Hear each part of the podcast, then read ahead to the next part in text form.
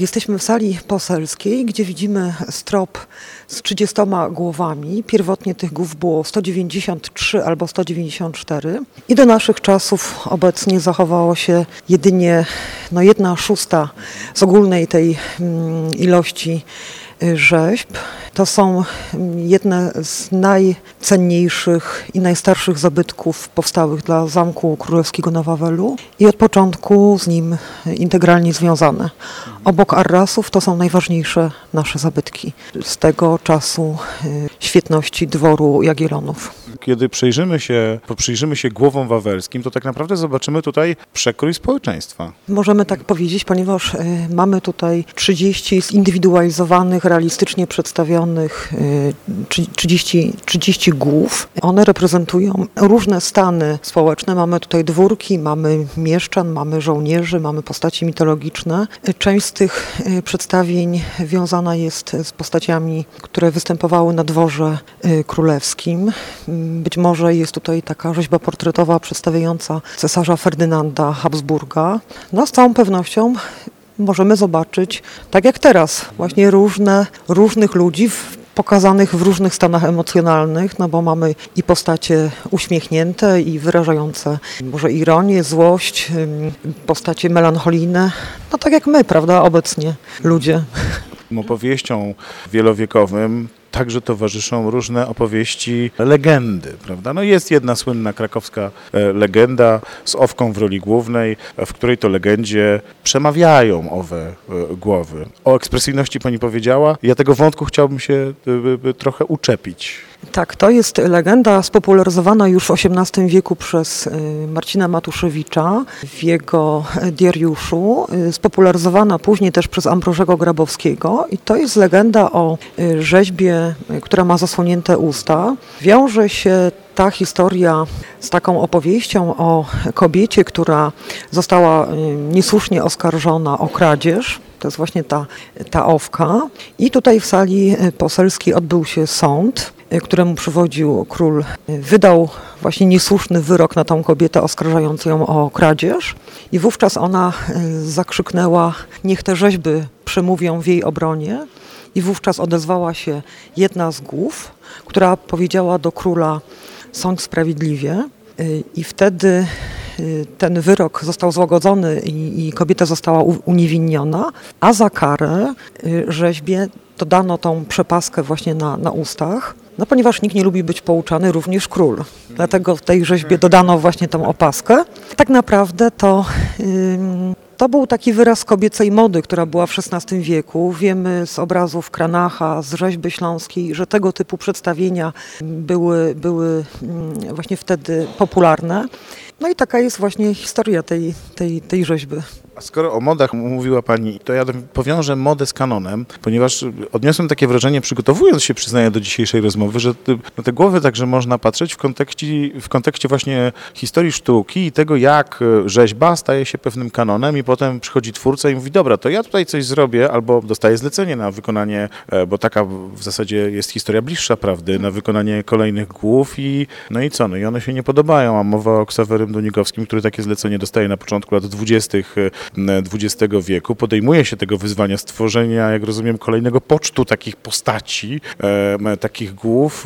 Zlecenie wykonuje, no i jak dalej ta historia idzie, to niech już pani dopowie zainteresowanym. No to jest taka historia, która się wiąże z tym momentem, kiedy zamek należało rekonstruować. Pamiętajmy, że tutaj były koszary prawda, przed, w okresie właśnie rozbiorów, po rozbiorach i, i w momencie, kiedy Polska odzyskała niepodległość, postanowiono zrekonstruować strop z głowami.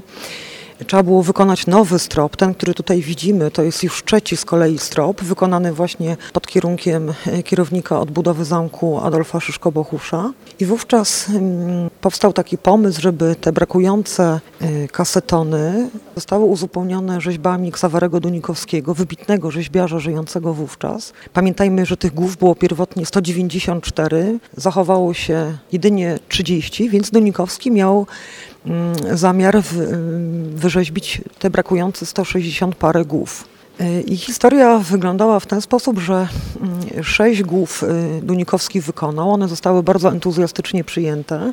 Nawet był taki moment, kiedy pięć z tych jego wizerunków zostało umieszczonych y, w stropie, który widzimy, obok oryginalnych renesansowych rzeźb.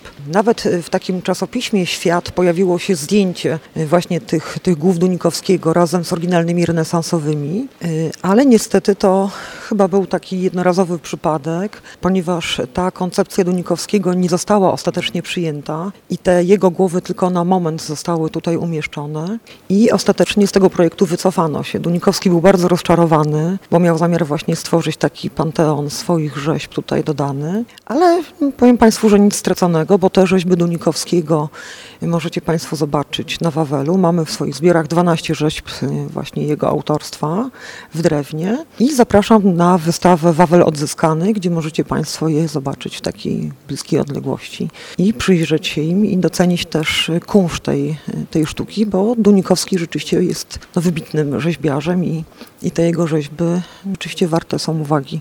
No zresztą jak się dobrze rozejrzeć, to y, Dunikowski jest na Wawelu obecny mocno. Tak, Dunikowski jest obecny. Możemy też Państwu zaprezentować rzeźby Dunikowskiego w gipsie, które są w budynku numer 5 w holu. To jest dar Dunikowskiego z 1920 roku. Bardzo cenne rzeźby, no, takie kluczowe dla jego twórczości, czyli fatum, brzemienne. Serdecznie zapraszamy. Skoro mówiliśmy o bliskości, to nie pojawiliśmy się tutaj, ja nie pojawiłem się bez powodu, bo e, mówiąc o jednym takim zbiorowym obiekcie, jakim są głowy wawelskie, mogę powiedzieć tylko rzecz straszną. Tylko przez jeszcze kilka miesięcy te głowy będzie można oglądać w ten sposób, że patrzy się na nie do góry, czyli ku stropowi, czy też na strop, dlatego że już niedługo w ramach koncepcji nowej wystawy, którą będziecie Państwo mogli zobaczyć na Wawelu, one zmienią swoje położenie. Jak ten plan wygląda? Proszę zdradzać. Ja myślę, że nie taki straszny jest ten plan, ponieważ teraz tych rzeźb właśnie nie, nie bardzo możemy je oglądać, bo one są na dosyć dużej wysokości, natomiast y, przygotowana w najbliższym czasie wystawa jagiellońska była, będzie pewną szansą dla, dla tych rzeźb, ponieważ planujemy pokazać je tutaj w sali poselskiej w takiej specjalnej gablocie w kształcie koła i, i będziecie Państwo mogli zobaczyć te rzeźby tak, no powiedzmy face to face, prawda, z takiej bardzo bliskiej odległości. Będziecie mogli się przyjrzeć szczegółom tych, tych dzieł sztuki, zobaczyć jak one są fantastycznie rzeźbione. My tak opowiadamy, no, że rzeźby i tak dalej, i tak dalej, ale to jeśli dobrze rozumiem, a Pani jest to w stanie na pewno dobrze e, jeżeli chodzi o czas powstania, to jak one się plasują, jeżeli chodzi o to, co w ogóle wtedy w rzeźbiarstwie się dzieje? Czy to są rzeczy dobre, bardzo dobre, wybitne? Znaczy powiem, że to jest w ogóle ewenement w skali światowej, ponieważ y, no, nie mamy analogii do tego stropu wawelskiego. Powiedzmy, były przedstawienia y, takich y, głów prawda, ludzkich, ale nigdy one nie były naturalnych rozmiarów, realistyczne. Pamiętajmy, że każda z tych głów jest inna. One się różnią i nakryciami głowy, i zarostem, i wyrazami twarzy, i mimiką. Każda jest zupełnie inna, a pamiętajmy, że to jest tylko 15% z tego, co, y, co się zachowało, więc no, jeśli sobie wyobrazimy, że było 194 wizerunki właśnie takie zindywidualizowane, znakomitej klasy, no to, no to możemy się domyślać, jak, jak no, wysokiej klasy był ten, ten mecenat, prawda, Jagiellonów. To była rzeczywiście taka, taki dwór pełen erudycji, czerpiący wzory y, no, z najlepszych jakichś y, miejsc, prawda. Y, to tylko świadczy o tym, jak wysokiej klasy była, była ta, ta rzeźba właśnie w otoczeniu czy, czy z kręgu Jagiellonów. Głowy wawelskie e, do zobaczenia jeszcze przez jakiś czas, co najmniej przez kilkanaście tygodni, to możemy Państwu tutaj na początku maja obiecać, ale jedną z tych głów, e, jako takie zaproszenie, jeśli dobrze rozumiem, e, można zobaczyć już nie na stropie będzie. Planujemy przed zdjęciem rzeźb na, na, na wystawę, planujemy pokazanie tutaj Państwu w przestrzeni chyba sali poselskiej właśnie tutaj, gdzie pierwotnie te rzeźby się znajdowały i znajdują. Chcemy pokazać w gablocie jedną z tych rzeźb i jako zapowiedź właśnie tego, co, co będziemy mogli zobaczyć później, prawda, na wystawie. Tak żeby właśnie zachęcić do tego, żeby tutaj mm, no, zobaczyć te, te głowy z bliska. No, pamiętajmy, że one ostatni raz były wi- widziane y, no, właśnie poza stropem no, 30 lat temu, kiedy, kiedy były ostatni raz konserwowane. Także dla nas wszystkich, dla historyków sztuki, dla konserwatorów to będzie i dla zwiedzających y, to będzie szansa właśnie, żeby zobaczyć je z bliska. Teraz widzimy jako taki zestaw elementów na stropie, nie są jakoś specjalnie doświetlane.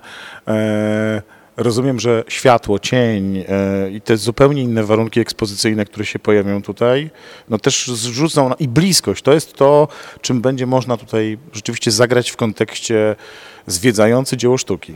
Jak, naj, jak najbardziej, no tym bardziej, że ten strop, który teraz widzimy, to jest strop y, wtórny, prawda? W momencie, kiedy on był robiony, było masę takich negatywnych opinii na jego temat, że właśnie one są zbyt głęboko osadzone. Że, no, mm, wiemy, że one pierwotnie y, prawdopodobnie były właśnie szyjami przy, przymocowane do boków tych, tych kasetonów, prawda? Nie, nie tak jak w tej chwili, więc ta ekspozycja y, w ramach wystawy jagiellońskiej będzie no, prawdziwą taką gratką dla miłośników rzeźby, renesansu i wreszcie będzie można je zobaczyć z bliska i docenić kunszt tych rzeźb. No to za chwilę, a tymczasem e, można tutaj wejść na Wawel i popatrzeć na nie tak, jak my teraz dla Państwa na nie patrzyliśmy i o tym patrzeniu i przyglądaniu się opowiadaliśmy.